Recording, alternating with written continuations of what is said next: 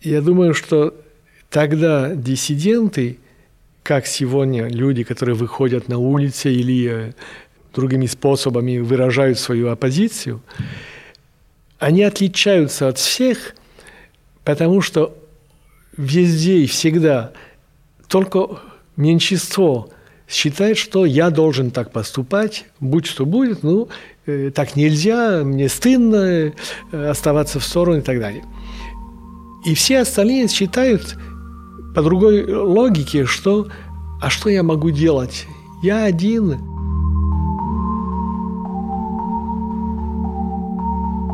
Находясь в атмосфере политических потрясений и кризисов, иногда очень важно подумать о том, как люди переживали такие периоды раньше, до нас. Это помогает осознать, что люди до тебя чувствовали себя так же, как сейчас себя чувствуешь ты. Они боялись, но продолжали надеяться и двигаться вперед. А главное, они жили. Жили в опасном, жестоком и несправедливом мире, который им хотелось всеми возможными способами поменять. Это подкаст для Нара. Я Томас Волкаускас, и я обращаюсь к вам из Вильнюса, где мне довелось пообщаться с журналистом, режиссером-документалистом, с 2006 по 2009 годы главным редактором информационного агентства «Франц Пресс» и человеком, близким к советскому диссидентскому движению Николя Милетичем. Он оказался в Вильнюсе для презентации своего документального фильма в рамках мероприятий, посвященных столетию со дня рождения академика Сахарова, с которым Николя был лично знаком. К тому же журналист был знаком и с Александром Солженицыным, дружил с Александром и Ариной Гинзбургами и диссидентом Сергеем Адамовичем Ковалевым. Тема диссидентства прослеживается в творчестве Николя, да и во всей его жизни. Когда общаешься с ним, то понимаешь, что история советского сопротивления – это та история, которая сформировала его самого. Мы говорим об опыте того, кто наблюдал за безнадежной борьбой сильного человека с еще более сильным режимом. Размышляем о том, как вести такую борьбу сегодня. Этот разговор был записан еще до событий, произошедших в воскресенье – когда самолет, летевший из Афин Вильнюс, совершил принудительную посадку в столице Беларуси. Был похищен журналист Роман Протасевич вместе со своей девушкой Софией Сапегой. Поэтому эту тему в разговоре с Николя мы не затронули.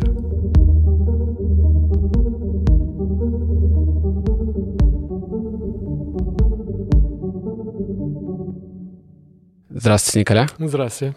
Первый вопрос, как вы вообще себя ощущаете в Вильнюсе?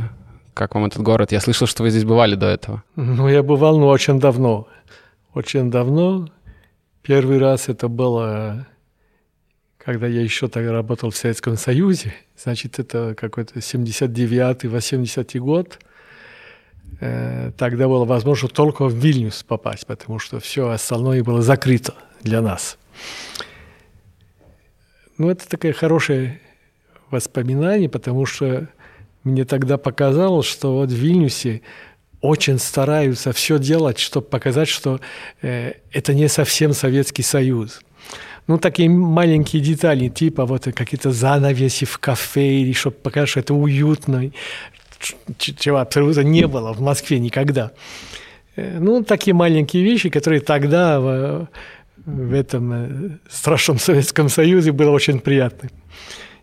И вот э, второй раз это было уже по работе, это, может быть, лет 12 тому назад я приехал, чтобы снимать э, Балиса Гаяуска, э, человек, который очень-очень долго сидел, и он первый раз получил 25 лет при Сталине, отсидел от звонка до звонка, э, потом вышел, начал заниматься помощью политзаключенным, участвовал в фонде Солженицына, переводил на литовский архипелаг ГУЛАГ Солженицына, и за это получил 15 лет снова. Да, я слышал про эту историю, да. и у вас в фильме про него говорилось, и вот да, я Да, это просто потрясающий человек.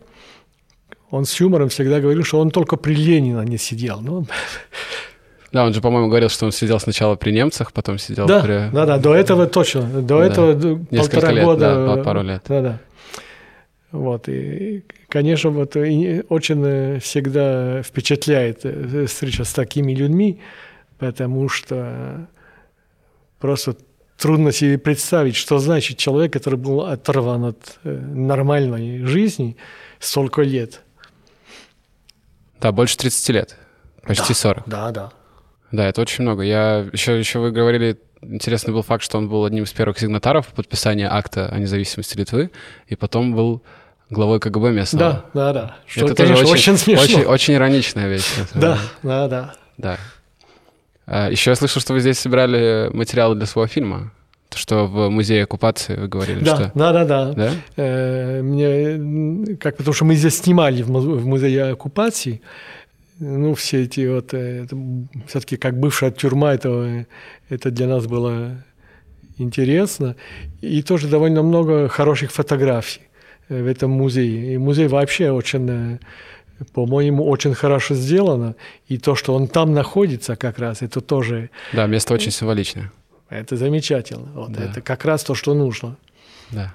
Будем ждать, что на Лубянке тоже появится такой музей, но и боюсь, что... Будем ждать, что когда-нибудь он Может быть, ваши внуки, кто его знает. Может быть, мы когда-нибудь. Николя, вы родом из Югославии и... Я э, сын врага народа, значит, я родился в Париже, э, но отец мой был э, дипломатом королевства Югославии еще. Это звучит довольно смешно. И э, просто он э, в начале его короткой дипломатической карьеры он работал в Советском Союзе при Сталине. И, наверное, то, что он э, тогда видел и наблюдал, э, из-за этого он, э, когда он работал еще за границу, он не хотел вернуться в Югославию, чтобы строить такую систему. И я оказался во Франции. И я там родился. А, то есть вы не, вы не жили в Югославии до нет, этого? Нет, я... я там работал долго, но я родился во Франции.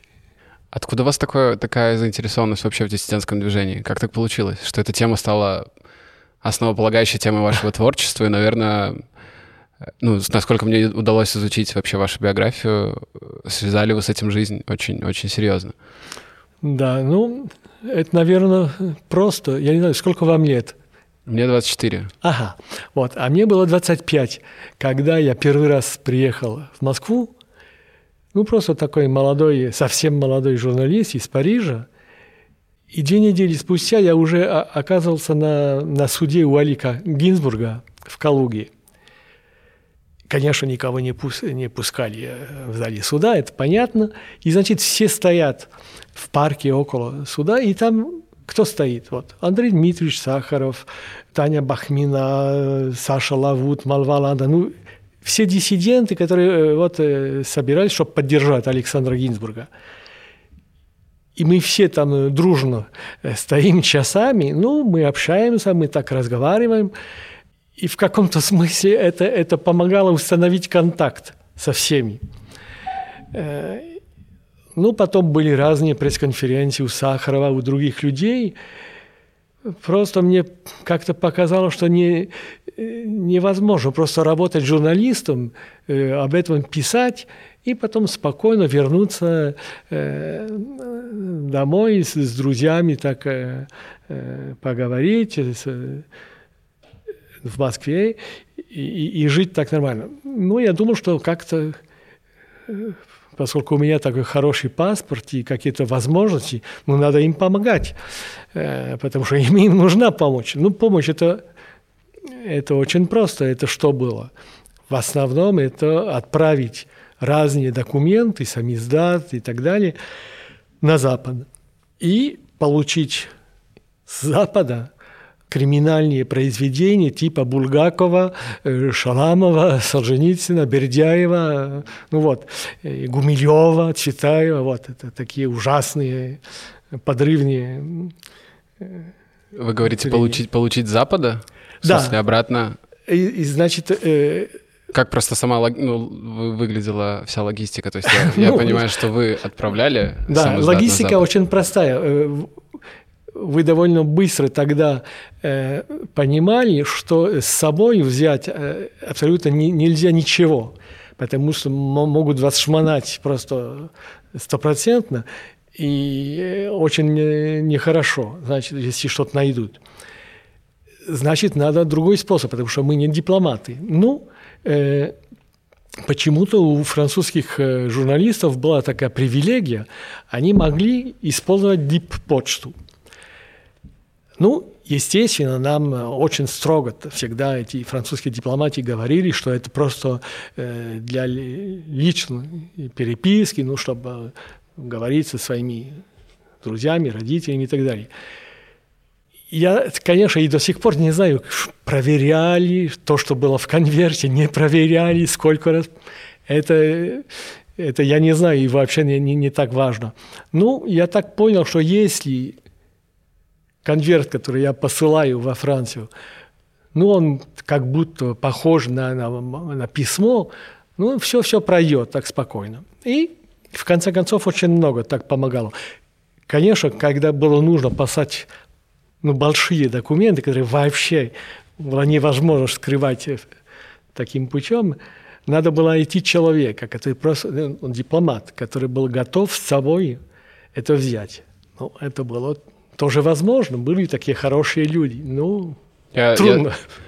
Я, э, да, я слышал, что так как раз попал архипелаг ГУЛАГ во Францию, и э, дипломат, который это сделал, э, точнее, который должен был переправить архипелаг ГУЛАГ во Францию, переводчик Александр Андреев, это герой вашего фильма «Тайная история архипелага ГУЛАГ», говорил, что он не мог несколько ночей подряд спать от такого сильного волнения. Как спали вы в то время?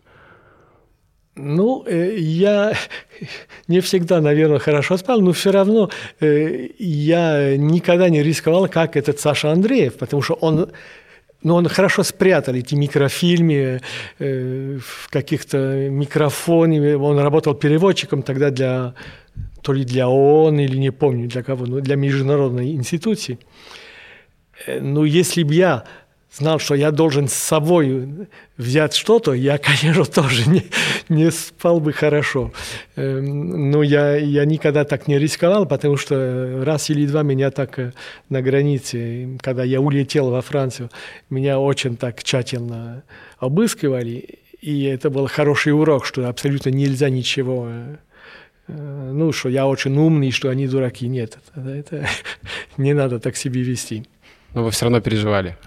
Ну, переживал, потому что э, все, все друзья тогда говорили, что э, все равно это плохо кончится, потому что, в принципе, такой, ты один, а их много.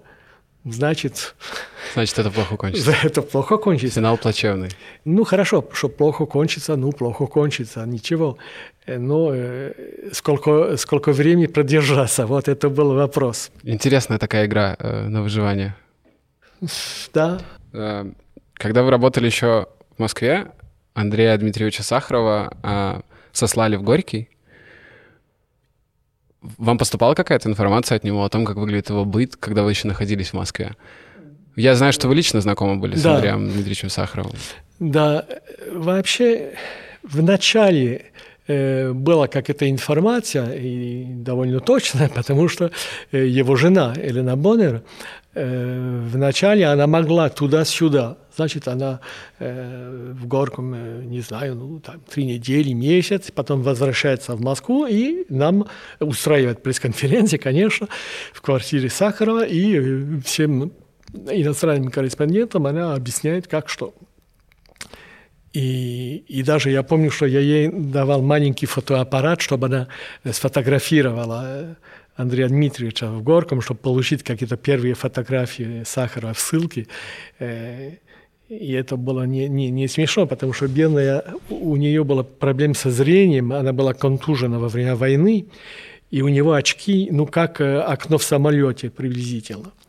Я думаю, ну, как она сможет что-то сфотографировать, но в конце концов все, все получилось. И она была наша связь, конечно, чтобы я рассказывать, как живет там э, академик. Я слышал, что в тот в период, когда Сахаров находился э, в ссылке, на Западе много говорили об этом говорили о том, что он голодал. А, вы же после этого, как раз в период, э, когда его сослали, вы были депортированы, я так понимаю, вас выгнали. И когда вы были на Западе, много говорило людей вокруг вас об этом? Э, о том, что в России происходит, в Советском Союзе происходят такие вещи, и что происходит вообще с сахаром в тот момент? Да. Это, наверное, самая большая разница с сегодняшним э, миром и с сегодняшней ситуацией в России, например, что тогда – благодаря президента Джимми Картера э, тема прав человека была очень-очень важна. Ну, были две темы такие – разоружение и права человека. И из-за этого не только в США, но и на, на Западе я должен сказать, что, наверное, каждый день, э, когда Сахаров голодал, э, или когда было неизвестно, что с ним, э, были какие-то, ну, не информации, потому что информации не было как раз, ну, напоминания о том, что до сих пор ничего не знал, не знаем об этом, что какой-то там депутат э, обращался к парламенту, что делать, ну, как это решение принимать. Ну, какой-то, э, как это шумиха, вот. Ну, значит, что об этом говорили. И в общем сознании, наверное, было всем понятно, что в Советском Союзе далеко не все нормально, не все хорошо с правами человека. Потому что вот, смотрите, вот про Сахарова сегодня говорят, а вчера про другого, там кто-то умер в лагерях или... Так что это была тогда довольно такая ну, тема, которая очень часто э, присутствовала в СМИ. И вот в связи с этим, как вы думаете, э, советское руководство вообще оценивало мировой авторитет Сахарова? У него была какая-то в этом смысле неприкосновенность? Как вы это вот оцениваете со своей перспективы? Я думаю, что из-за того, что э, Сахаров был всемирно известен, из-за этого довольно долго э, его, э, ну не то что терпение, но э, с ним обращались не так, э, не так сурово, э, как с, с другими. Это, это потому что это было понятно, что когда начнут с сахаром что-то делать, ну, значит, уже, уже все. И действительно это было так. Э, Афганистан, и потом уже можно не, не церемониться, потому что уже Запад так... Как, не мог повлиять? А как повлиять? Как повлиять санкции? Санкции очень хорошо повлияли на э, еврейскую иммиграцию. Без этого ничего не произошло бы. А из-за э, санкций э, начали выпускать э, евреи, которые хотели эмигрировать из Советского Союза. Но мне просто интересен механизм. То есть, э, вот мы, например, сегодня можем да, увидеть ситуацию, как выглядит. И российское руководство, очевидно, всегда с оглаской смотрит на Запад. И мне интересно, как механизм работал в Советском Союзе, в закрытой стране, которая как бы... Ее идея заключалась в том, что э, мы сами можем о себе позаботиться. То есть если Россия, условно, нынешняя, э, живет по рыночным, эконом... по рыночным правилам да, экономики, то Советский Союз же был немного другой страной. И мне вот интересно, почему и в Советском Союзе тоже была постоянная оглядка на Запад. Как, как вы это объясняете? Но я боюсь, что и тогда, и сегодня, и это не только случай с Советским Союзом и с Россией, э, санкции имеют довольно маленький эффект. Я только что говорил, что про еврейскую иммиграцию это было очень, очень здорово, но это, наверное, больше всего исключений. Потому что я, я, я с трудом себе представляю, как это правительство, которое скажет, что ну ладно, вот мы не можем больше терпеть эти страшные санкции, и э, мы признаем, что мы ошиблись, и что мы освобождаем э, ну, э, этого оппозиционера, или что мы покидаем Афганистан, или что мы... Нет. Это нигде, вот это санкции, смотрите, Куба. Я жил сколько, пять лет в Югославии во время войны и эмбарго, и санкций. Это ничего не меняет. Ну, люди плохо живут, еще хуже. Но кроме этого, э, э, эффект над, над правительством это, это трудно оценивать. Плюс это очень хороший способ э, для каждого правительства сказать, что вот смотрите, враги вокруг нас, вот, а вы поддерживаете, поддерживаете эти люди, которые против нас принимают санкции. Вот. Значит, вы тоже враг. Значит, это все так это непросто. Это непросто. Я, наверное, западные страны э, так делают, потому что а как иначе? Если ничего не делать, это, наверное, еще хуже. Значит, надо символически сказать, что вот мы не, очень недовольны, и из-за этого мы принимаем какие-то санкции. Э, даже если все очень хорошо понимают, что санкции это не панацея и, может быть, ничего не, не будет менять. Но а если не, не, не принимать никакие санкции, значит, можно продолжать спокойно. Делать, делать все, что хочешь, да? если нет Да, санкций. это не, не так просто решать. Я вас спрашивал про неприкосновенность э, Андрея Дмитриевича. А как вы думаете, у Алексея Навального есть сегодня такая неприкосновенность в России? И авторитет такого уровня для мира? Про авторитеты я не знаю. Мне кажется, что у Сахарова это другая эпоха, это другой мир вообще. Так что сравнивать всегда как-то непросто. Я не уверен, потому что то, что у то, что было просто штамп этих диссидентов и э, Сахарова, естественно, это что это было моральное сопротивление, чисто моральное. Вот. Они ни, на что не надеялись, что э, что-то будет э, меняться и так далее. Ну, просто они считали, что надо жить по закону. И, вот и лозунг «соблюдайте вашу конституцию». Вот, какое требование. Просто у вас есть законы, ну, надо их соблюдать.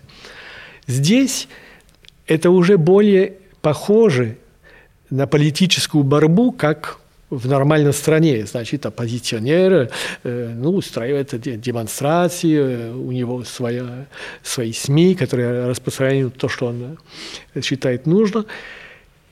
Так что это, безусловно, самая известная фигура оппозиции.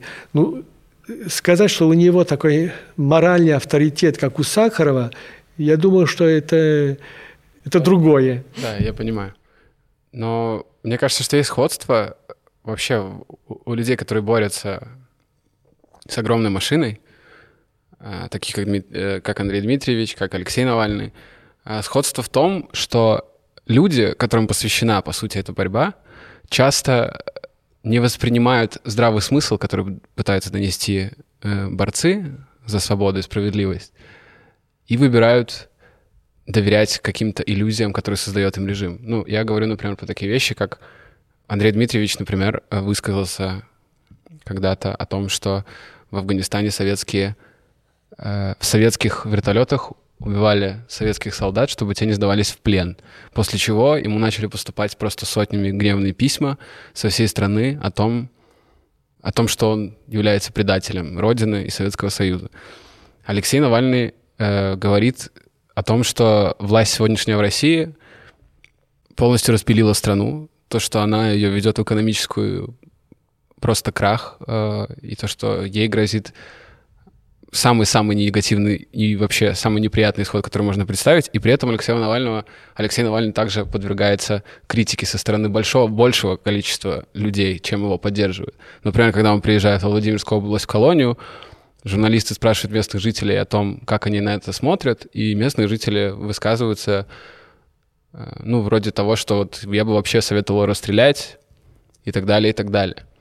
Похожа ли советская эпоха с российской? В смысле, похожи ли эти два режима, так как похожи, ну, пускай это не диссидент Алексей Навальный, да, и как Андрей Сахаров, но похожа ли советская реальность с российской действительностью сегодняшней?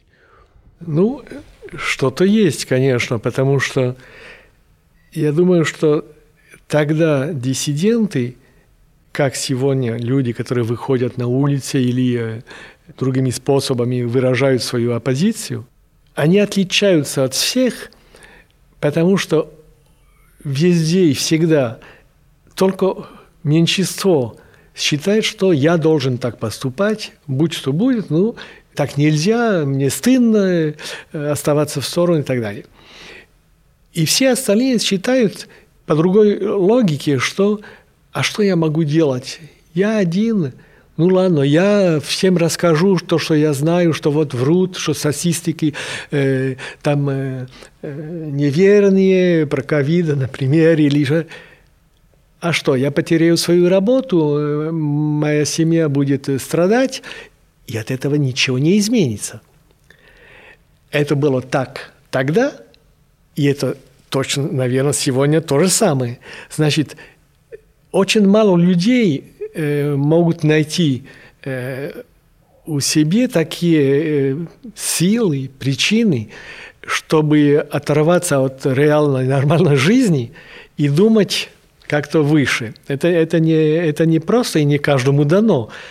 Вот в нашем фильме как раз э, Саша Лавут очень, э, это очень хорошо это рассказывает, потому что для меня это был вопрос, когда я там э, познакомился со всеми этими людьми. Но откуда у них такая, такая храбрость или как не, не знаю даже как это называется храбрость, сила духа или ну, каждый по-своему это будет называть.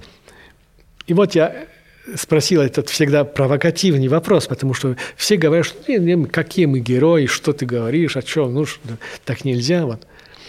И Саша Лавуд говорит, что вот я смотрел, вот что вокруг меня есть какие-то люди, которые не боятся так откровенно выразить свой протест.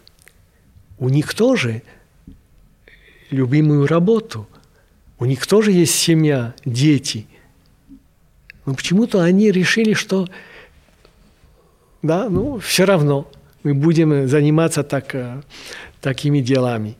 И продолжает Саша Лавут, вот я, тоже, я тогда думал, что ну, я какой-то предатель, если я остаюсь в стороне, потому что у меня своя любимая работа, у меня семья, дети, вот надо...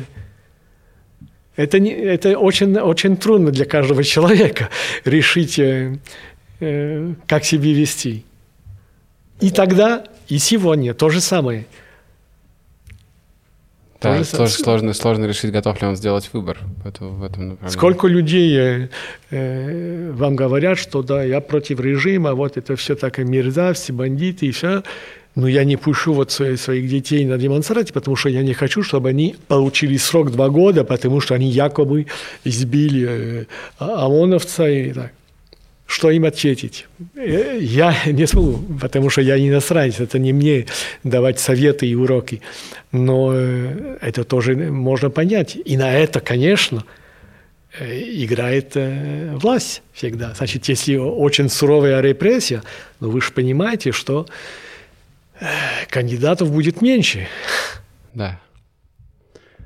Еще интересный момент, который тоже я из вашего фильма, фильма почерпнул, из вашего последнего фильма «За успех нашего безнадежного дела», Сергей Ковалев говорит в нем примерно такую мысль. Э, вот если бы была возможность собрать побольше взрывчатки угу. и прийти в этот вонючий дом, где они собирают свои вонючие съезды, и взорвать их всех к чертовой матери, вот это было бы решением. Но даже если бы у меня была такая возможность, я бы не повел себя так, потому что в тот, мину... в тот момент я бы стал таким же, как они сами. И э, мне кажется, это очень ярко описывает э, вообще мышление людей, как нужно вести сопротивление с мирной точки зрения, ненасильственное сопротивление. Как вам кажется, такое сопротивление вообще может привести к чему-то? Мы видим, например, ситуацию сегодня, что происходит в России, в Беларуси, где люди уже достаточно долгое время э, ведут свою борьбу, но не получают никаких результатов от этого. И они выступают с позиции «мы ведем ненасильственное сопротивление. Мы выступаем за это. Так вот, как это работает? Вы можете, можете свое мнение сказать по этому поводу?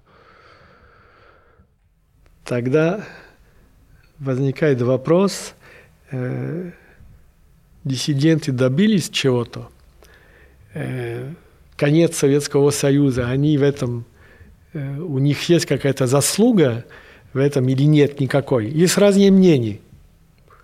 Э, кто-то считает, что э, нет, мы не то, что зря боролись, потому что так нужно было и все. Это не наша, никакая наша заслуга. Да? Другие, вот Людмила Алексеева, например, она считает, что вот э, диссидентское движение было первый шаг к перестройке, что вот ну и весь этот самиздат, который ходил, и все эти враждебные голоса, которые э, распространили по эфире э, разные тексты самиздата, ну, Сахарова в основном и, и другие, э, что это все-таки помогало поменять э, мышление людей и не только в народе, ну тоже где-то там, может быть, э, высших э, уровне власти. Это уже я не знаю, я не, не, пока не нашел никакой истории, который это изучал как-то э, убедительно. Но э, эти люди, которые так ненасильственно э, боролись, они не будут менять свой э, способ борьбы. Э, потому что это просто они так э, устроены, что они э, против насилия, потому что считают, что э, ну, по разным параметрам, ну, что это ни к чему хорошего не, не, не приводит. Теперь другой вопрос, что, может быть, смотря на неуспех такого мирного сопротивления придут другие люди, которые скажут, как народновольцы, э, что э, э, надо по-другому бороться. Ну, тогда это уже так маленькая гражданская война. И это тоже не очень, как, не очень хочется, потому что это... Ну, я, я все-таки за свою журналистскую карьеру видели две войны, там, ну, сколько там в Югославии их было несколько, и потом на Донбассе. Э, когда начинается такой конфликт, это э, уже поздно. Уже поздно, и, и, и все довольно плохо и долго длится. Значит, поэтому я понимаю, что ненасильственная борьба, э, конечно, вот э, и в России, и в Беларуси, если люди ненасильственно будут продолжать э, сопротивляться, вряд ли что-то изменится. Но если, если выводы, значит, надо пойти в терроризм, это тоже не ответ. И это, это может быть гораздо хуже. Получается, что ответа на этот вопрос еще нет. Я лично сам просто не могу никак себе на это ответить. Потому что я и поддерживаю э, ненасильственную борьбу. Я понимаю, что это с точки зрения, как вы говорите, ну, это культура человека внутренняя. Она не позволяет просто тебе взять оружие или камень и идти убивать за там власть или за идею. Но при этом ты понимаешь, что ты теряешь на своей стороне людей. Э, то, что это как бы тебя заставляет проигрывать какое-то количество времени и все, все дальше отдаляет э, цель победы над тоталитарным режимом. Э, в 2020 году премию Сахарова за свободу мысли получила, получили активисты э, демократической оппозиции Беларуси. Как вы думаете, эта премия, она может на что-то повлиять в рамках борьбы, или это больше символический момент? — это, это все эти премии, это, конечно, очень символический, но это как-то чуть-чуть помогает укреплять позиции белорусской оппозиции на Западе. Ну, это показывает, что да, а, они люди серьезные, они так нормальные люди, они никакие не экстремисты. Ну, вот э, доказательство того, еще одно доказательство того, что они получили премии. Вот. Ну, типа того, ну не больше, конечно. Э, совсем недавно стало известно, что главный белорусский портал, новостной портал Тутбай, не может продолжать свою работу в том формате, в котором продолжал, потому что э, на территории Беларуси, да и вообще заблокирован их сайт, э, сотрудники издания сталкиваются с огромным давлением, против некоторых заводятся уголовные дела. Как вы думаете, к чему приведет такая политика государства и к чему она ведет вообще белорусское общество? И как себя должна чувствовать белорусская независимая журналистика э, в этом в этом контексте, есть ли у нее вообще какое-то будущее в контексте настолько сильных репрессий и давления? Ну, вернуться в самиздать письменным. Что делать, если блокировать все интернет-порталы? Я не знаю, но это, это, конечно, потому что сегодня все привыкли, что э, информация доступна через телефон или через компьютер, но э, не все сразу поняли, что э, если эта информация доступна через компьютеры и телефоны, тоже можно ее заблокировать через компьютеры и через телефоны. Так что, не знаю, у меня никаких советов нет, но Не знаю. Ну, а... Как вы думаете, это уничтожение белорусской независимой журналистики? Ну, уничтожение. Это не, не, никогда, даже в Советском Союзе не успели уничтожить все. И у них была абсолютно тоже да, такие возможности. Значит, да, можно уничтожить несколько людей или даже много людей. Ну, другие независимые журналисты появятся э, завтра, сегодня, послезавтра из-за того, что вот другие посадили или должны были эмигрировать, или вот. Так что, ну, просто это техническая, э, в основном, техническая проблема сегодня, э, потому что в каком-то смысле это было проще э, при советской власти, потому что, ну вот, печатная машинка, вот бумага, и печатайте, раздавайте. Ну, в вашей улыбке видно, что вы испытываете очень романтичные чувства. Нет, ну, э, это просто так. Э, сегодня, когда все, все доступно по, по интернету, трудно себе представить, что человек э, по ночам не спит, слушает какие-то э, голоса, которые там читают какие-то произведения, человек это записывает на, на, на магнитофон, потом переслушает и, и печатает это произведение, то ли архипелаг или еще что-нибудь все было очень сложно, трудно, много времени занимало. Сегодня сразу возможно получить э, это другой подход, и э, надеюсь, что люди найдут тоже свои технические фокусы, чтобы, чтобы продолжать как-то работать, но э, не уверен. Последний год мировые СМИ довольно часто уделяли свое внимание, довольно много уделяли внимания э, теме Беларуси, теме России и протестам, и ситуации вокруг Алексея Навального. На ваш взгляд, мировые СМИ, у них есть вообще способы влияния и давления на режимы извне? То есть способны ли они повлиять как-то в корне на ситуацию, которая происходит в странах, где авторитарные режимы жестоко подавляют инакомыслящих и организовывают репрессии против своих граждан? Ну, напрямую нет. Как они могут повлиять? Если большой э, шум, тогда, чтобы какие-то депутаты уже начали э, в парламенте об этом говорить, э, чтобы в правительство думали, что ох, уже много людей, много депутатов об этом говорят, надо что-то делать. Вот такая цепочка, э, чтобы это становилось э, уже не медийская э, тема, но уже на политическом уровне то, что было вот э, во время разрядки э, как холодной войны. Э, потому что, да, СМИ тогда очень много про права человека в Советском Союзе говорили, но не только они.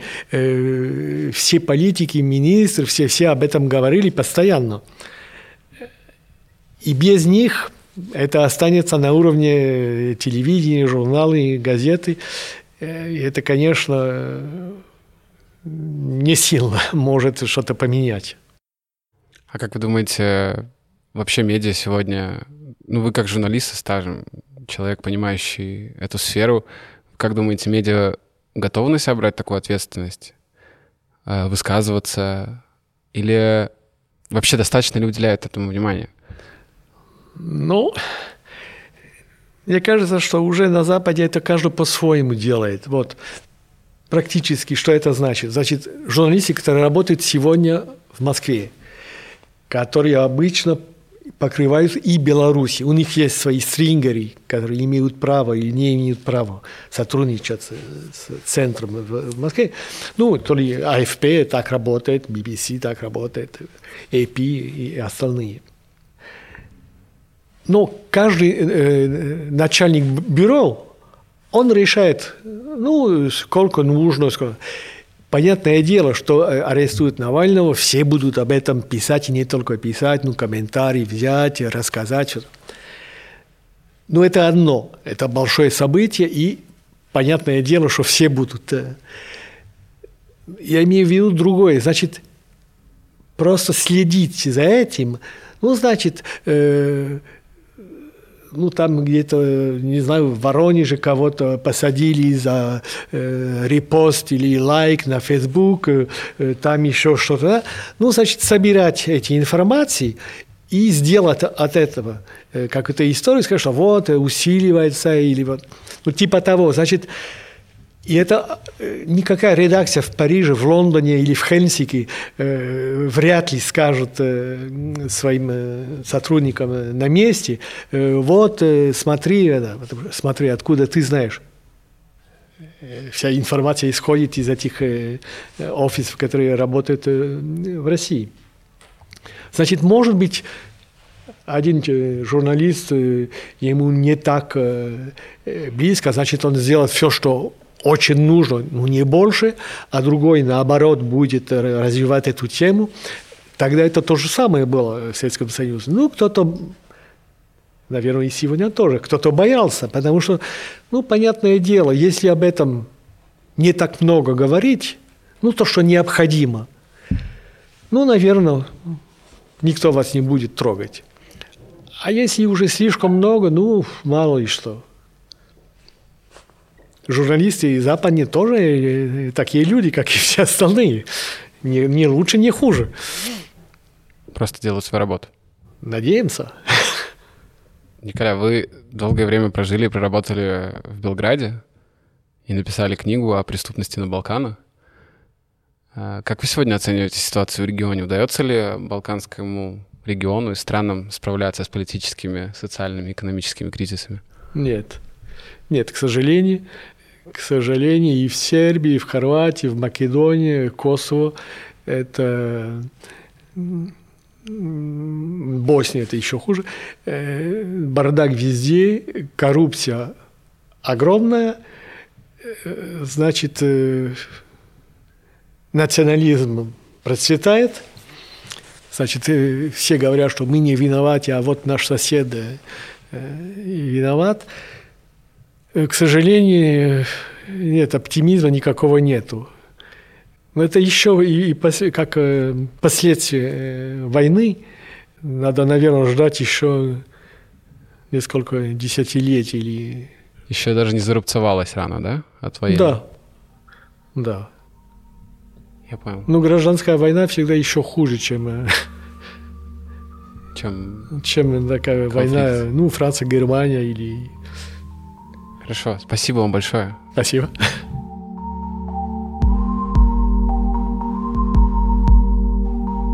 Такой наш эпизод сегодня. С журналистом Николя Милетичем общался я, Томас Волкаускас. Мы выражаем благодарность Музею современного искусства МО в Вильнюсе за то, что предоставили нам пространство для записи данного подкаста. Звукорежиссер Ката Битовт, композитор Мартинес Гейлюс – Фотографии моего собеседника можете найти на сайте nara.lt/ru, автором которых является Каролис Пилипас Людкевичус. До встречи и будьте здоровы!